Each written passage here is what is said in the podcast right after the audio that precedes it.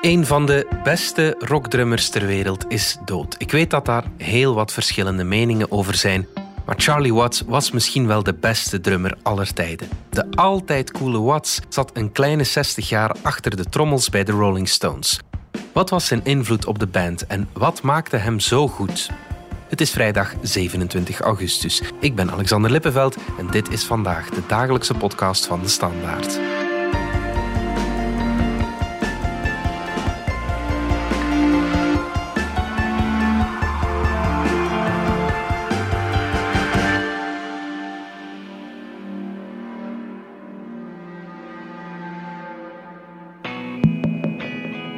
Luister even naar dit stukje muziek.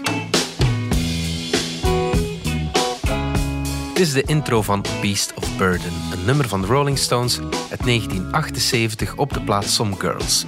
Luister nog eens en luister dan vooral naar de drums.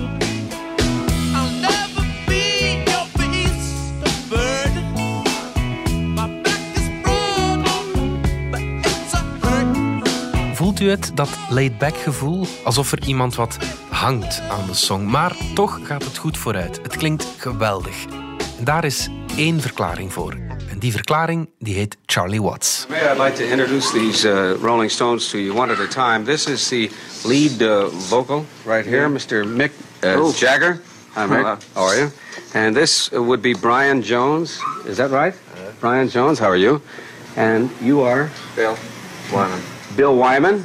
He plays bass guitar. And your name? I'm Keith Richard. Keith, how are you? Keith Richard. And your name? Charlie. What is Charlie it? Watts. Charlie what? Watts. Charlie Waltons. Watts. Watts, that's it. Charlie Watts was bijna 60 jaar lang de drummer van de Rolling Stones. En hij overleed afgelopen dinsdag op 80-jarige leeftijd in een ziekenhuis in Londen. Met Charlie Watts sterft misschien wel de beste drummer aller tijden. Toegegeven, ik ben misschien wat bevooroordeeld. Ik ben al fan van de Rolling Stones sinds mijn vijftiende, grofweg de helft van mijn leven. Ooit maakte ik met een van mijn beste vrienden op school zelfs een groepswerk over wie de meeste invloed had in de muziekgeschiedenis: de Beatles of de Rolling Stones.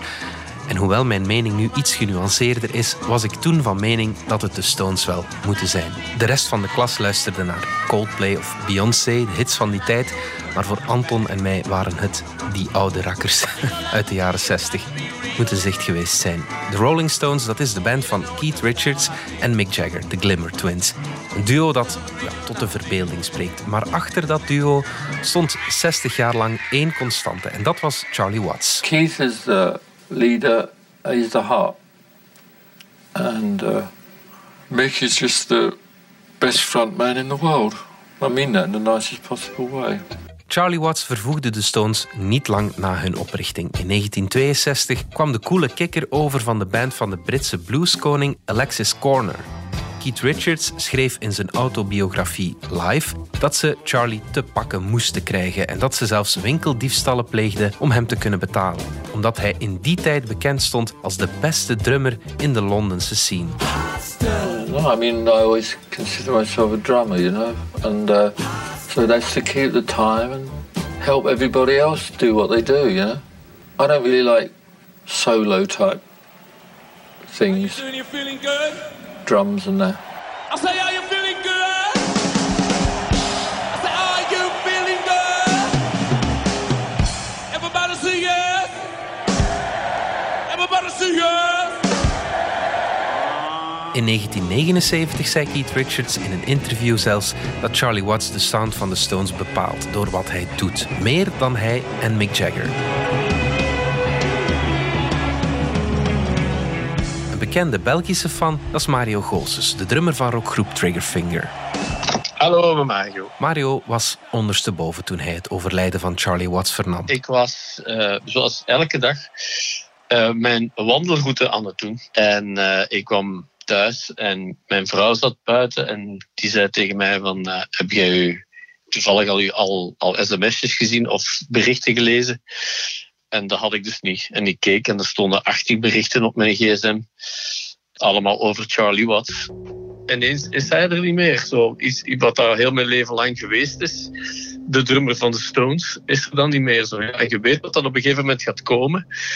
Maar toch, ja, dat doet iets met mij in ieder geval. Twee keer stond Mario Gozes met Triggerfinger in het voorprogramma van de Rolling Stones. We hebben in 2012 hebben we met hen gespeeld in Hyde Park. En in 2014 uh, op uh, Classic.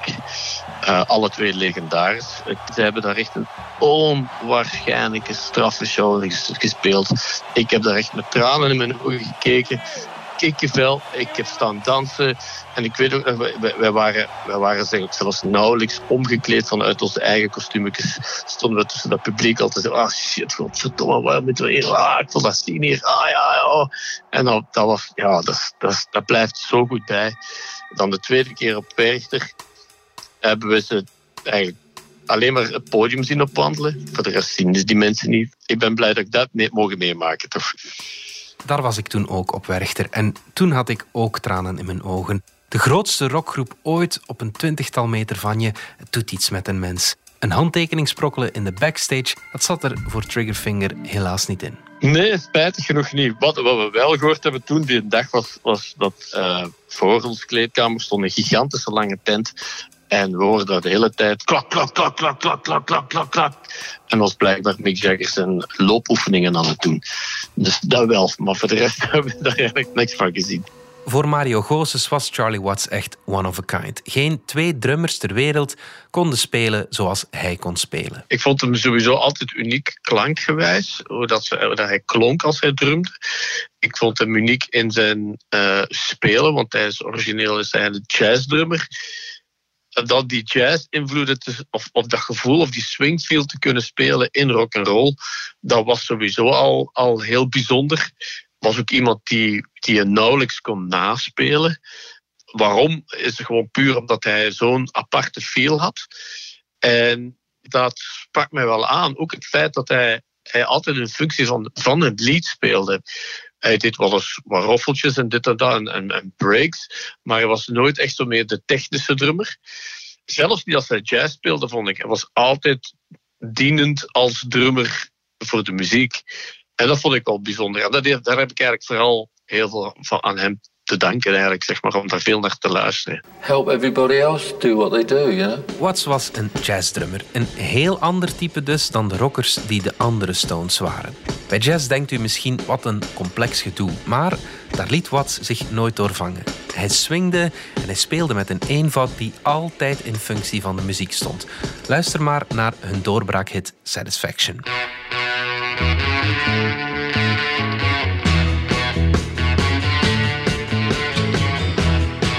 Die iconische riff van Keith Richards, ja, die kent u natuurlijk.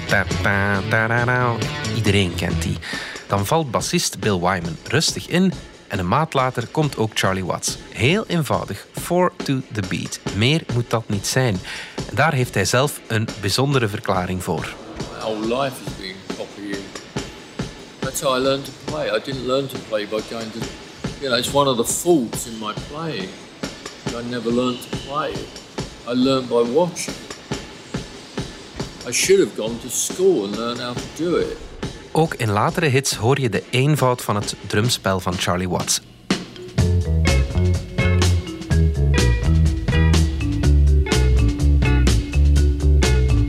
Weinig drummers zetten een nummer in met vier slagen op de snare drum achter elkaar. In Honky Tonk Women start producer Jimmy Miller op de koebel en Charlie valt in met de rust die weinigen hem nadoen. Wat mij telkens opvalt is dat Charlie Watts nooit de aandacht naar zich toe trekt en echt in dienst van de muziek speelt, zoals Mario Gozes ook al zei. Er is altijd wel iemand anders in de band die de spotlights opzoekt. Meestal is dat Keith Richards of Mick Jagger, af en toe ook gitarist Ronnie Wood. Charlie, bijgenaamd de Stille Stone, zit schijnbaar onbewogen achter zijn drumstel. Regisseur Martin Scorsese die toonde dat meesterlijk tijdens de opname van concertfilm Shine a Light in het Beacon Theatre in New York. Wanneer de band Jumping Jack Flash inzet, een van de meest energieke songs van de Stones, wijkt de camera geen seconde af van Watts. En doorheen de song zie je de rust die de man uitstraalt. Meesterregisseur filmt meesterdrummer. Een bijzondere kijk op hoe de Stones hun songs brengen. Zoek het misschien eens op. Het is de moeite waard om te bekijken. Ook zijn privéleven was niet dat van een rockster. Het beste voorbeeld, Charlie Watts trouwde in 1964 met Shirley Shepard en bleef tot zijn dood aan haar zijde. Dat alleen al kom je niet te vaak tegen in de muziekwereld. Collega Inge Schelstraten van de cultuurredactie schreef dat niet hij, maar zij de excentrieke van het koppel was. Ik ben geen rockster, antwoordde Watts als hem gevraagd werd hoe zijn huwelijk in stand bleef. Maar ik heb wel vier oldtimers waar ik niet mee kan rijden. Er zijn niet zoveel uitspattingen van hem bekend op zijn heroïneverslaving in de jaren 80 na. Dat was een opstootje van het liederlijke rockleven van Watts, zonder dat goed te praten natuurlijk. Later maakte hij er zelfs grapjes over. Het was zelfs zo erg, zei hij, dat Keith Richards zei dat ik nuchter moest worden.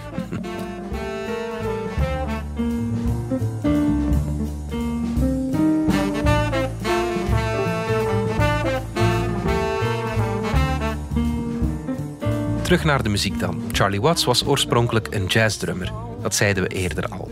Hij had zelfs zijn eigen Charlie Watts 5, net zoals Miles Davis, John Coltrane en zijn idool Charlie Parker. Watts maakte ooit zelfs een tributeplaat voor Charlie Parker. Uh, ladies and gentlemen, Charlie Watts and his tribute to Charlie Parker.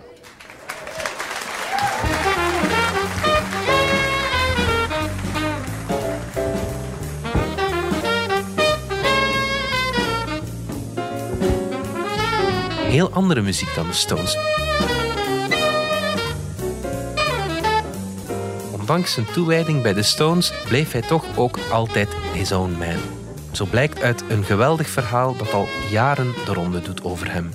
Een urban legend, of hoe noemen we dat dan, is dat er toch wel ooit is geweest dat Mick Jagger hem s'nachts zat, opbelde in zijn hotelkamer op tour. En uh, I want my drummer to be downstairs of zoiets. En en dat Charlie Watts naar beneden is zich volledig had aangekleed in zijn kostuum naar beneden is gegaan. En Jagger toch even op zijn plaats heeft gezegd van I'm not your drummer. He, he used to, to annoy me. He referred to me as his drummer. And at one time used to annoy me because I was thought he was my singer. Dat zegt ook natuurlijk iets. In a way, that's right. Yeah, they're both right, aren't they? That's what I mean. so it was just something that annoyed me at the time. Quite an honour, really, if you think about it, for anyone to say, this is my something. But it pissed me off. and you let him know it. Yeah. I'm Charlie Watts, I'm not your drummer. Ik vind dat fantastisch. Of dat nu waar is of niet, allee, of het verhaal ook helemaal klopt, het is in, in ieder geval zoiets. Is het. Eh, eh, elk, elk ding wat hij ook deed, ondanks nog eh, in een, in een andere podcast eh, van hem geluisterd. En ja, het feit dat hij zegt van kijk, mijn liefde gaat eigenlijk vooral naar de jazz. En rock'n'roll interesseert me eigenlijk niet, heeft me nooit geïnteresseerd. Ik luister liever nog elke dag naar mijn Charlie Parker plaat dan in plaats van een of andere rock'n'roll groep. Ja, vind ik eigenlijk ook fantastisch. Als je dat de grootste rock'n'roll band ter wereld speelt en dat zegt, ook al is het niet waar, ik wil het geloven. Yeah, yeah, I didn't. It was a bit quicker than I thought. En die jazz die hoor je niet alleen op zijn jazzplaten, maar ook bij de Rolling Stones zelf. Een heel klein stukje muziektheorie. Let op de cymbalen in Shine a Light, het voorlaatste nummer van Exile on Main Street, misschien wel het meest iconische album van de Stones. Nummer in vier kwartsmaat, gewoon 1, 2, 3, 4, met vier tellen per maat. Veel rockdrummers die tikken dan vier keer per maat op hun hi-hat cymbaal om daarmee de maat te slaan. Tik, tik, tik, tik. Wat doet Charlie? Hij brengt er het typische jazzritme in. Tik, tik, tik, tik, tik, tik, tik, tik, tik, tik, tik, tik. Denkt u, wat een detail, maar dat is het absoluut niet. Het geeft de muziek een drive, een swing die je anders nooit krijgt. Ook Mario Goossens beaamt dat Charlie Watts de drive in de muziek van de Stones bracht. Wat dat het mooie is, is dat uh, er staat in het woord rock and roll het woord roll. En voor mij heeft hij altijd die roll uh, echt ook al heel goed benadrukt. Uh, hij bracht die roll ook in de rock. En dat wil zeggen dat er zo'n gigantische goede swing in zat, dat dat dat, dat, ja, dat, dat danste. Dat danste. En, en soms heb je zo'n muziek wat daar redelijk vierkant of staccato gespeeld is. En zo boem, da, boem, da, boem, da. En dat is voor sommige muziek heel gaaf. Maar voor andere muziek is dat soms gewoon, werkt dat niet. En als je zo een soort rock rol speelt, wat dat de Stones deden, hadden wel zo'n klein beetje die, die swing nodig, tot er zo een klein beetje op en neer dans. dat, ik zeg altijd dat mensen hun gat beginnen te schudden. Hè. En dat, dat kon hij wel. Het is al gezegd, maar Watts gaf zelf aan tijdens interviews dat hij niet al te veel van de spotlights houdt. Als jazzmuzikant houdt hij niet van drumsolo's, zo zegt hij. Hij houdt van drummers die in een band spelen. I don't like drum solos, I don't ever take them. I admire some people that do them, but I, generally I don't like them. I, I don't, it's not something I sit and listen to. I prefer drummers in a band, you know, playing with the band. Het staat in schril contrast met veel drummers van zijn generatie. In de jaren 60 en 70 had je wel wat sterdrummers. Zo was er Ginger Baker van Cream, Mitch Mitchell, die bij Jimi Hendrix speelde, en later ook John Bonham van Led Zeppelin en Keith Moon van The Who. Stuk voor stuk technisch heel goede drummers, meesters in hun vak. Maar ze spelen alles vol en trekken altijd de aandacht naar zichzelf. Maar als je jong bent en geleerd drummen, dan uh, beland je soms wel in een situatie waardoor dat je, dat je denkt dat je veel noten per minuut moet kunnen spelen om dan indrukwekkend over te komen bij vrienden en familie. Als je dan langer muziek blijft maken, dan kom je er eigenlijk ook wel vaker achter van ja, hoe minder dat je doet, hoe beter dat het is. Als je dan ook nog een gevoel moet neerzetten als drummer zijnde, is nog belangrijker. En ja, dat is, dat is, dat is bijzonder. Dat is, ja, ik wou dat ik het zelf kon. Een heel mooi voorbeeld vind ik Just My Imagination. Een cover van The Temptations van op de plaats Some Girls. Luister even naar hoe Charlie het refrein inzet. Niet speciaals, denkt u, maar wat doet hij? Een paar keer slagen op zijn snare drum en dan zijn hi-hat symbaal lichtjes openzetten, waardoor alles iets voller klinkt. Niet meer of niet minder, dus heel eenvoudig. Nu denkt u misschien, ja Alexander, heel moeilijk klinkt dat toch allemaal niet wat die Charlie Watts speelt? Dat klopt, tot op een bepaalde hoogte. Technisch lijkt dat wel mee te vallen, hoewel de finesse van een jazzmuzikant niet iets is wat je op 1, 2, 3 leert. Dat vraagt gevoel, dat vraagt ervaring. En het is nu ook niet dat Charlie Watts geen techniek had, integendeel. Luister even naar Can't You Hear Me Knocking, een geweldig nummer van op Sticky Fingers. Bekend om de meesterlijke 1-2'tjes tussen Keith Richards en Mick Taylor, twee gitaristen en de saxofoonsolo van Bobby Keys. Het strakke ritme in het eerste deel en hoe Watts het tweede deel bijna alleen op zijn cymbalen speelt, dat is spelen op topniveau.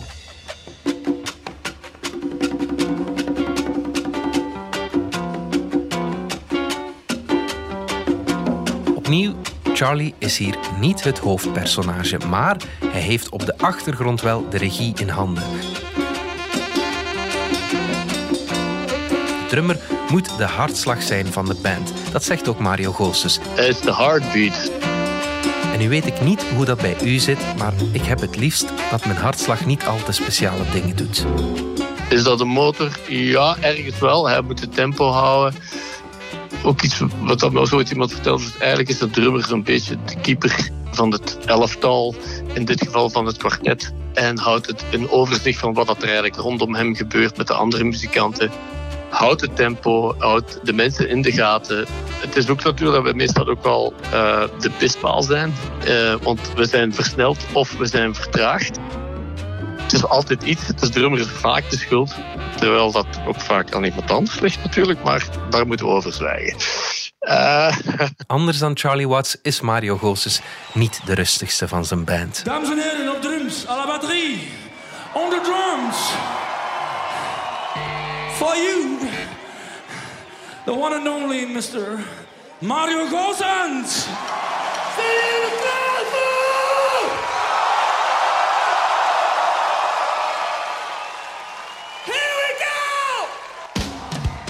Ben eigenlijk bij ons de meest energieke. De term ADHD is niet ver af. Hyper is niet ver af. Dus ik weet niet of ik de rustigste ben.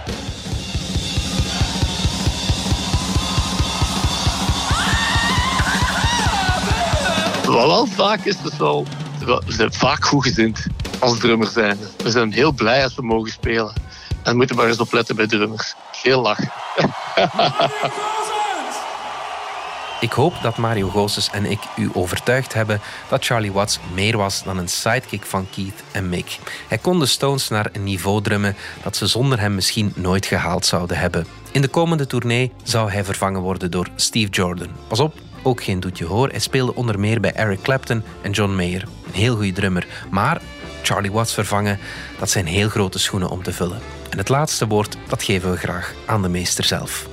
There's one other bloke, Charlie Watts. What's he like? I got no idea what he's like. Miserable most of the time.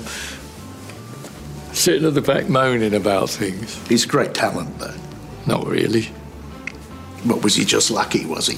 Very lucky.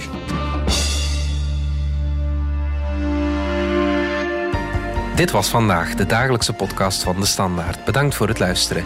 Reageren kan via podcast.standaard.be. Alle credits vind je op standaard.be-podcast. Maandag zijn we opnieuw.